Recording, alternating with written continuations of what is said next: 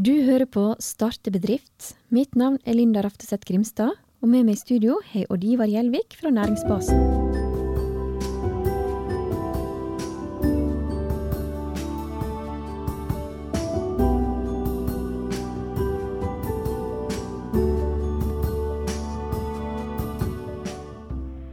Tobarnsmora fra Langevåg har en trygg og god jobb som lærer.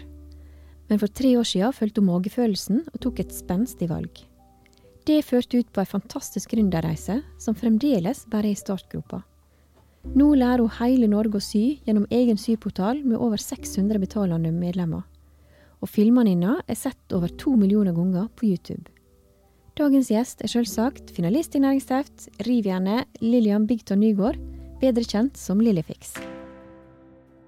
Så velkommen i studio, Lillian Bigton Nygaard i Lillifix. Tusen takk. Veldig kjekt å bli invitert hit, altså. Og få snakke om det morsomste jeg vet i hele verden, så det setter jeg veldig pris på. Ja, for det er jo ikke noen tvil om at du brenner for, eh, brenner for det å sy, men har disse her vært interesser du har hatt hele livet? Jeg har alltid hatt interesse for å skape. Altså, av en eller annen slag så har jeg alltid klipt og limt, og det har vært tråder på hele rommet mitt. Ikke kan å komme seg inn på soverommet mitt en gang da jeg var barn. Um, og så har det vært strikking, scrapbooking, mye forskjellig. Men det var vel først når jeg fant sying at jeg virkelig fant uh, ja, kjærligheten i mitt liv når det kommer til, uh, til hobby, da. Ja. Så det, det har jeg drevet med lenge. Og så var det jo egentlig når jeg var i mammapermisjon med hun eldste. Hun var blitt ganske stor nå, så det tida går veldig fort. Men da begynte jeg for alvor å sy barneklær til henne og oppdaga at virkelig wow, du kan jo skape nesten alt du vil i hele verden. Det er nesten ingenting ikke du kan gjøre med ei symaskin. Så, så når jeg oppdaga det, og i tillegg til i forhold til kanskje strikking, da, som er veldig kjekt, men som jeg opplevde i hvert fall at det tok litt lengre tid enn hva jeg gjerne likte, da, så uh, er det faktisk mulig å skape et plagg på en symaskin i løpet av en kveld. Så uh, det syns jeg var veldig kult, da. Det var jo um, Du snakker om i permisjon her. Da er jo det fremdeles en hobby. Når var det du skjønte at dette her kunne bli et levebrød? Det som er litt morsomt, er jo at eh, jeg begynte jo å sy, og så var jeg veldig opptatt av å finne den ultimate måten å gjøre noe på. Jeg var veldig sånn, jeg hadde lyst til å finne alle mulige måter, teste alle mulige måter. Og så eh, var det sånn at jeg skulle sy et babynest til dattera mi. Jeg vet ikke om dere vet hva det er, men det er som en sånn slags lita pute, eller en slags lite sånn eh, seng, kan du si, som en baby kan ligge oppi. Da får det veldig trygt og godt. Um, så jeg lagde egentlig en YouTube-video, tenkte at denne kommer sikkert ti personer til å se. Bare viste hvordan jeg sydde dette her eh, babynestet. Og så gikk den vel egentlig litt uh, viralt. Det er jo en av de videoene som den dag i dag har flest uh, visninger. Men da oppdaga jeg at wow, så utrolig gøy det er ikke bare å sy, men å vise andre hvordan de syr. Og da tenkte jeg at OK, men da må jeg selvfølgelig også ha eh, en blogg, den gangen man hadde blogg. jeg måtte jo også ha logo, selvfølgelig måtte jeg ha det. Så jeg hadde jo egentlig bygd bedrift siden 2013 uten å vite at det var det jeg holdt på med. Jeg bare syntes det var kjempegøy å eh, lære bort det som jeg sjøl hadde lært meg, da. Så, eh, men veien derfra til det det har blitt i dag, har jo vært uh, ganske lang, da. For du jobber jo som lærer. Uh, og dette her var jo en hobby, selv om du begynte å gå litt viralt på nett her, så uh, var det noe du drev med ved siden av. Men på et eller annet tidspunkt så bestemte du deg for å satse. Kan du fortelle litt om det? Ja, det er jo litt sånn når jeg ser tilbake på det nå, så er det veldig rart hvordan alt dette her har blitt til. Uh, for jeg jobba som lærer, men så opplevde jeg vel egentlig at det ikke var riktig vei for meg å gå. Jeg kjente det veldig sterkt, men jeg prøvde veldig hardt å eh, trives i yrket, men opplevde at det, det gikk ikke så bra. Så jeg hadde med et par eh, smeller, ble dessverre langtidssykmeldt. Det var eh, kanskje det laveste lave jeg har vært i mitt liv. Så, men i, til syvende og sist så innså jeg at her må jeg nødt til å rett og slett gjøre en stor endring. Jeg må finne meg noe annet å gjøre. Eh, og da var jo spørsmålet hva, hva skal man gjøre da? Eh, gikk til litt karriereveiledning, og det var jo ei som da snappa opp eh, den lidenskapen jeg hadde for søm, da. Det er hun eh, Trine Lise i eh, Karrierespesialisten som hjalp meg med det. Og hun snappa opp eh, den gnisten jeg hadde når jeg snakka om sømmen. Jeg husker at jeg vifta henne veldig fort bort og sa at dette kan ikke man leve av. Og så følte jeg nesten at det var sånn barnslig i det hele tatt skulle tenke at man kunne leve av det du elsker å drive med. da. Men så begynte det å kverne litt. Grann. Klarte ikke helt å slippe tanken av men hva hvis? Så sa jeg det til mannen min, og du vil ikke tro hva hun, eh, karriereveilederen sa. Hun sa at jeg burde satse på søm. Nei, det er jo bare tull. Og så sier han nei, men kanskje du skal gjøre det, da? Så ble jeg veldig overraska og litt rørt da, over at han tenkte at OK, kanskje du kan prøve. Snakka med foreldrene mine, de syntes det var en god idé. Så plutselig så oppdaga jeg at det var kanskje den eneste negative, da.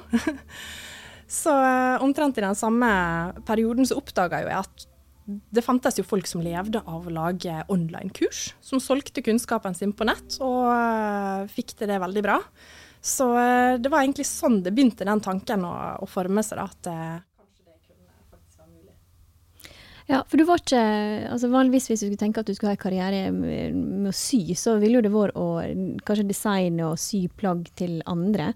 Men du har altså valgt å, å undervise i søm på nett. Um, og det går jo veldig bra. Uh, kan du fortelle litt om hvordan, altså hva du gjør, og hvordan denne bedriften din er satt opp?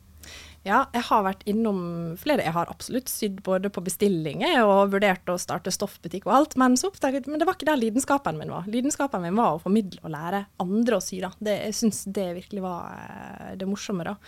Så eh, det som jeg landa på Jeg tenkte jo kanskje jeg skulle sette opp et online-kurs, da. Da er det jo litt mer at du spiller innen kurset er ferdig, og så selger du det. Men det var så vanskelig å velge hva som skulle med, så det ble bare større og større. Så jeg fant ut at jeg heller har lyst til å starte et medlemskap, for da kan jeg legge ut og fylle på mer og mer innhold. sant? Man opplever at det skjer noe, og ikke minst det å faktisk kunne følge opp folk over tid, da, syns jeg er veldig morsomt. Så eh, ja, det var derfor jeg landa på den eh, modellen der, da. Mm.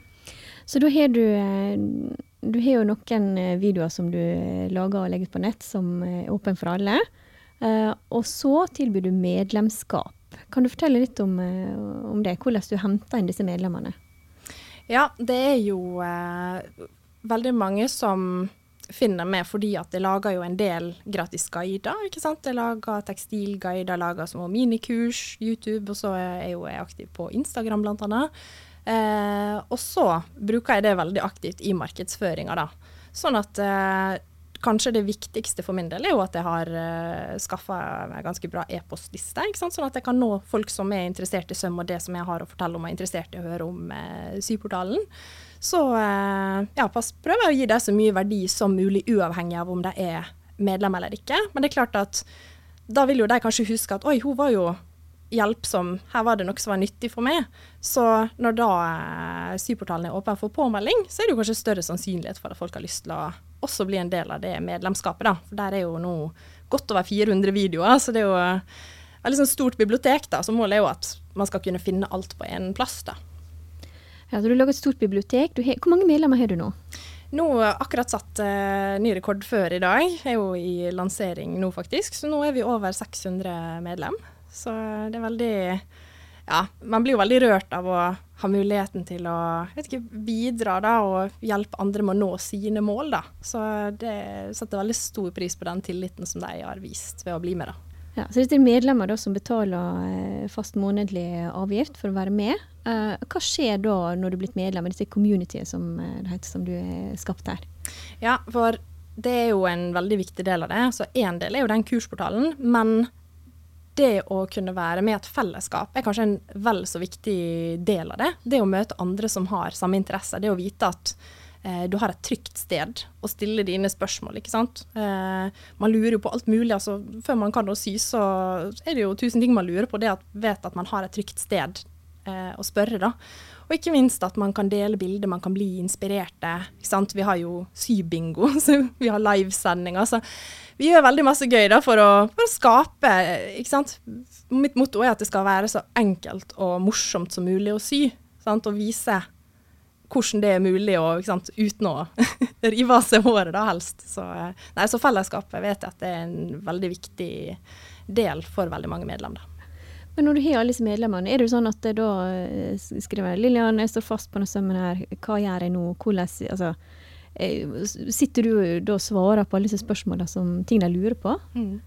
Det gjør jeg mye av, ja. Eh, det er veldig mange som eh, lurer på noe stort og smått, og da er de inne og hjelper. Men det som er gøy å se, da, er jo at etter hvert som dette har vokst, så hjelper de jo også hverandre. Eh, og jeg tror nok de også opplever at det er veldig verdifullt. Alle syns jo det er hyggelig å være den som kan bidra, den som har svaret. Så det at ikke det bare er lenger som sitter og jeg bruker å si, Det er jo ikke, bare, det er jo ikke min syportal, altså det er jo alle sin syportal sammen. Syportalen er jo alle som er med. Så, eh, nei, så det er veldig gøy å se. da. Det, det skaper veldig fellesskapsfølelse. da ofte når man starter bedrift, eh, så eh, tar det lang tid der man skal utvikle produktet eller tjenesten man skal selge. Så det tar lang tid før han har inntekter. Men du har egentlig hatt inntekter fra dag én? Ja, og det, det er jo egentlig kjempeluksus, men det som er veldig genialt når du formidler kunnskap da, ikke sant, og leverer tjenester, er at du trenger egentlig ikke veldig mye. Altså, hvis du har internettilkobling og en Mac og en mobil, så du, kommer du veldig langt. Og symaskiner, da, eh, for min del. Men det er faktisk mulig å gå i gang uten veldig mye kapital, og så faktisk bare gå ut og, og, selge det du har. Da. Klart man må jo ha en plan for markedsføring, det er jo kjempeviktig selvfølgelig for å få det til å gå. Men eh, i utgangspunktet så kan du også selge veldig mye organisk. Det gjorde jeg også til å begynne med. Det tok en stund før jeg begynte å legge penger i markedsføring, men det har faktisk gått i pluss fra, eh, fra dagen. Så eh, ja. Det, det syns jeg er veldig morsomt. Jeg har lyst til å fortelle til så mange som mulig at det går an, da. Ja. Men Lillian, uh, dette er jo, dette en suksesshistorie. Det har jo gått bra fra dag én. Kan du si litt om hva omsetning du har hatt altså fra du starta til nå? Ja, jeg lanserte jo helt på tampen i 2020, så det første sånn ordentlige året var jo i 2021. Og da ble det omsetning på ca. 750 000. Og i fjor så ble omsetninga på 1,4 millioner ca. Så det har vært ganske sånn god vekst. da. Og jeg ser at eh, når jeg sammenligner de første månedene i året, i året i forhold til i fjor, så har veksten vært på ca. 67 da, i forhold til fjoråret. Så det, det, er godt å se at det går riktig vei, da. Um, for du har jo eh, du har et aksjeselskap. Mm. Er det du, og så er det en person til i uh, deltidsstilling. Mm. Um, og det er jo en, ting, en del ting jeg må tenke på. Um, hvis vi spør næringsbasen, da. Uh, hvordan uh, altså, det? Når du skal starte en bedrift uh, der du sjøl skal være ansatt, uh, hva må du tenke på? Er det sånn at du trenger å ta ut Skal du bare ta ut den samme lønna som du hadde når du var fast ansatt en plass, eller? Ja, det, eneste, det har jo seg slik at den lønna man har, er jo ikke nødvendigvis lønnskostnaden til bedrifter. Det kan jo kanskje gange opp med i hvert fall 1,4 eller noe sånt. Um, det, er, det, det, er litt sånn viktig å tenke at man uh, skal på en måte ha mest mulig av pengene igjen i bedrifter uh, for å få den organiske veksten som man ønsker. Nokså tilsynelatende virker som om du er klart. Uh, men så er det masse man skal også tenke på som går på alt utenom. Uh, F.eks. For forsikring, som man må ha på bedrift, bedrifta si. Du har kanskje ordnere bedriftshelsetjeneste. Og så er dette her med pensjon, eh, for man skal jo bli gammel en gang. Har du kommet langt med det? Ja, altså jeg har vært veldig opptatt av at eh, Kanskje litt skrudd sammen sånn som person, da, men jeg er veldig opptatt av at alt skal være, være litt ordentlig, da. Altså jeg leker ikke bedrift. Så så ja da, jeg har eh, absolutt brukt litt tid på å sette meg inn i disse tinga der, og, eh, ja, og at det skal være på plass, da, og pensjon, at det blir ivaretatt. Og det ble jo også spesielt viktig når jeg da skulle ansette ei til, sant? at alt var på stell der, at hun vet at her blir det spart pensjon til henne. Det er jo selvfølgelig også veldig viktig for, eh, for min del, så jeg tenker jo at når du er ansatt et annet sted, da er det jo noen andre som passer på at alt er på stell. Så plutselig så satt jeg der og hadde det ansvaret sjøl, så, så, det er noe jeg tar på, eh, på alvor, da. Ja. Så eh, nei da. Og litt det med at det du betaler ut, ikke sant? der er jo veldig mye mer i tillegg til det. Sant? Du har jo arbeidsgiveravgift og, og alt dette her. Så, men jeg tenker jo det er jo veldig fint også å kunne bidra til samfunnet på den måten, da. Og der kan jo banken også, den du måtte ha, være en god sparingspartner. Mm. Eh, men også regnskapsfører, hvis du, hvis du, har det. Det har jeg, ja. Mm. ja. Um, vi var jo litt inne på det i stad. Du snakka om uh, når du starta opp uh, så fikk du veldig god respons fra, fra familien din og de rundt deg. Um, på hvilken måte har det vært viktig for, uh, for bedrifter og at du, at du, skulle kunne gjort uh, det du har gjort? Det har jo vært helt uh, avgjørende, og jeg, jeg, tror kanskje jeg har vært ganske heldig også. For jeg vet at det er langt ifra alle som starter noe som kanskje har støtte hjemmefra. For det er klart at jeg er jo mamma til to små barn, jeg har en mann, vi har et hus, vi har et huslån, ikke sant. Så det er jo en del ting som Det er jo ikke bare meg og min drøm, det er jo alt dette her rundt også. Så det var helt avgjørende å ha de med på laget, at de også syntes det var lurt og hadde ikke minst at jeg hadde troa på at det kunne gå, da. Så eh, nei, hvis ikke det hadde vært med på laget, så hadde jeg aldri kommet til å gjort det, rett og slett. Det har vært helt uvurderlig. Mm. Vi har også en fast post eh, på programmet der vi bruker å ringe opp noen i, eh, i kretsen for å høre litt deres versjon av denne oppstartsreisa, og hvordan de har opplevd det.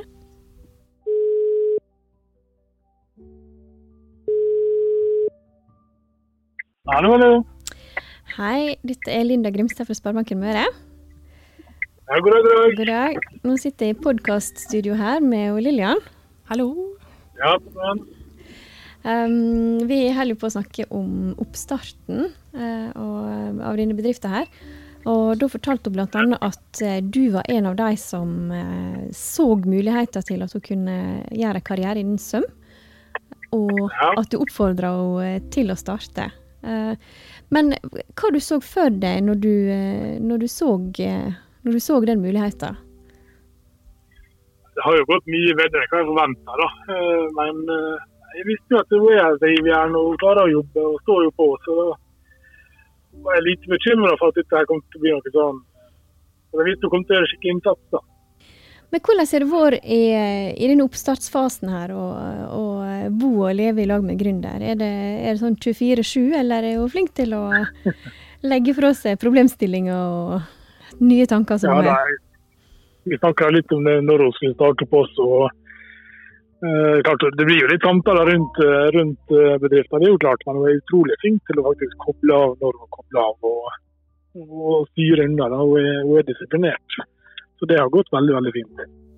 Eh, men når Lillian skulle, skulle, starte bedrift, eh, var det da sånn at eh, du måtte gjøre noen, noen, offer? Måtte du trappe ned på jobb for at hun skulle kunne jobbe mer, eller hvordan løste det Nei, det har, det har egentlig gått veldig bra. Vi, jeg har jo en fleksibel jobb som kan tilpasse litt arbeidstidsmessig, så det, nei, det har gått veldig bra. Jeg har fortsatt min 100 jobb, og det har gått fint, det. Hva har egentlig klart å løse dette her med både Ja. Tatt, altså, mer ja. for meg å være lærer, for å si det sånn. ja. ja, det kan jeg tenke meg, faktisk. det kan du bekrefte? ja. ja. Men jeg har en veldig raus mann, da virkelig. Som har heia og stått stødig. Og, ja, så det har virkelig betydd mye i den prosessen her, da. Så det, jeg tror ikke det er alle som har så god støtte på hjemmebane, da. Så det har betydd mye. Um, men hva er det, hvis du skal si noe om det, da. Altså, hva, hva endring er det du merker nå? Hvorfor er det bedre nå når Lillian driver sin egen bedrift? Altså, hun er jo, hun er jo det er klart det var jo eh, tungt med den jobben, så det var jo ikke alltid Det er muntert da, egentlig. Eh, hun har jo lykkes og driver med noe hun liker. så Det, er, det blir en bedre flyte totalt sett uansett. Er det sånn at Lillian har det bedre nå som gründer enn hun hadde som, eh, når hun jobba fast jobb som lærer? Ja, det vil jeg absolutt si.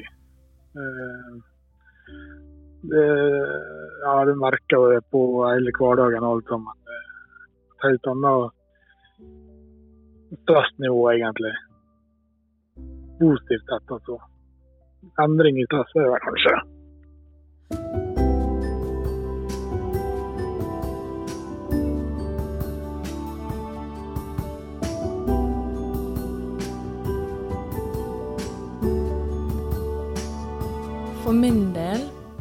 Mange som sier til meg hvor tøff du var som starta for deg sjøl, og wow, ikke sant. Men for min del så føltes det en million ganger skumlere å skulle gå tilbake i klasserommet, for å være helt ærlig. Um, så ja, det har definitivt vært tøft. Uh, og ikke minst sånn at jeg starta jo alene. Nå, er vi jo, nå har jo jeg noen flere, da. Um, men du er jo ansvarlig for absolutt alt. Om det går bra, om det går dårlig uansett, sant? Så, så er ansvaret på det. Og du, det er lover og regler du skal følge, du må vite at du gjør ting på en ordentlig måte. da. Men jeg syns alltid det var mye mindre skummelt. Altså, men det er klart, når jeg starta, jeg var jo ikke på et godt sted da. Jeg var jo ikke klar for å starte noe. Men ei oppgave i gangen, eh, steg for steg. Hva er det neste naturlige steget nå for å føre meg et steg videre? Og i den prosessen når jeg opplevde litt og litt at OK, nå har jeg fått til det, nå har jeg fått til ei nettside, nå har jeg fått til, nå har jeg funnet en kursplattform, alle disse tinga der. Stein for stein så bygde jo også sjølfølelsen seg litt opp igjen. Følte at OK, kanskje jeg har noe å bidra med likevel. Kanskje jeg kan gjøre nytte for meg. Kanskje det her kan bli noe som kan bety noe for noen. da. Så ja. Og det har jo det virkelig blitt.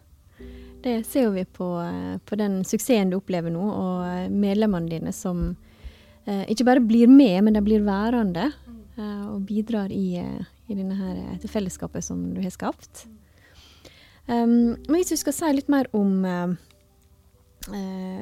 altså veien videre, altså tenker, du, tenker du at du er der du skal være nå, eller tenker du at dette er et selskap som kan vokse med flere ansatte og flere tjenester? og jeg tenker at jeg har funnet en modell som fungerer veldig bra, så jeg er veldig varsom og forsiktig med å gjøre noe som kan ødelegge det. da.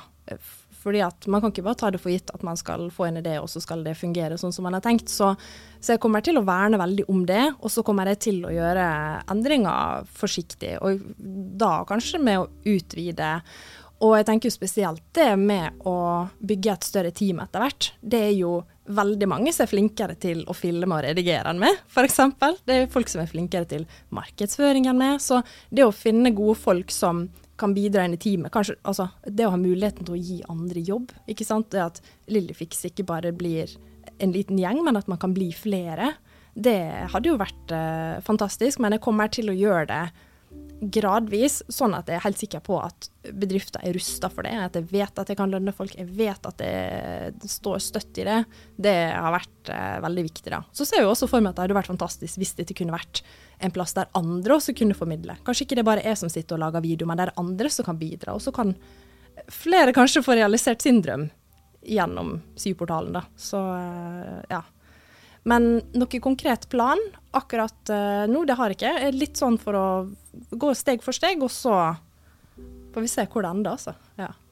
Men det er jo en god plan, da. At du kanskje lar andre få lov til å betale seg inn for å dele sitt. Mm.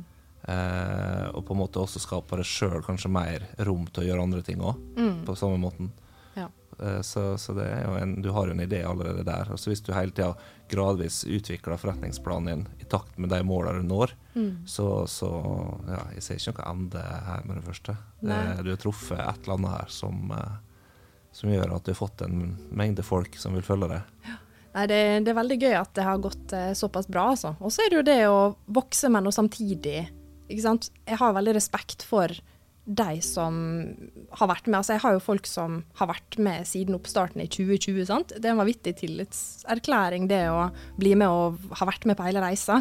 Så litt av respekt for deg også, så vil jo jeg bevare essensen. Sant? Jeg har lyst til å ha den tilstedeværelsen. Jeg har lyst til å snakke med medlemmene. Jeg har ikke lyst til å gi fra meg de oppgavene som kanskje Og det at folk likte å, å lære av mine videoer. Sånn. Så, så, det er litt den balansegangen å ja, være til stede for medlemmene, men også gi plass til flere, da. Ja, ja nå, er vi, nå, er vi, litt inne på det, men um, mange snakker jo om når de skal vokse, så må de hente inn uh, mer kapital, eksterne eiere, uh, for å få liksom, ja, fart på, på, veksten. Du snakker jo litt mer om en organisk vekst. og Hvis jeg forstår deg rett, så har du tenkt å eie dette selskapet sjøl?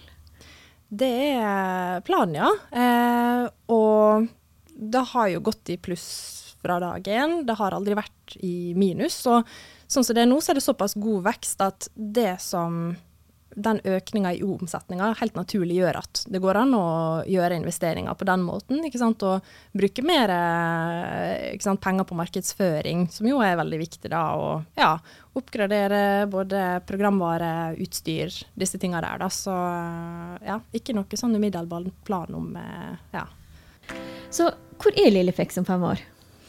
Om fem år så er Lillefix eh, blitt en litt større gjeng. Både med tanke på eh, antall ansatte og antall medlemmer. Større jeg si, rekkevidde for søm. Få i gang flere med å sy. Mer syglede og ja, ei enda bedre bedrift enn i dag. Det kan de. Det er bare en myte at man må ha talent. Altså det er sånn, Hvis du gjør noe mange nok ganger, så blir du helt naturlig bedre. Så det handler egentlig bare om å gå i gang og, og gjøre det. Tusen takk til deg, Lilian. Det var glede å ha deg i studio her. Så takk til Ann Odivar fra Næringsbasen, og takk for oss i studio.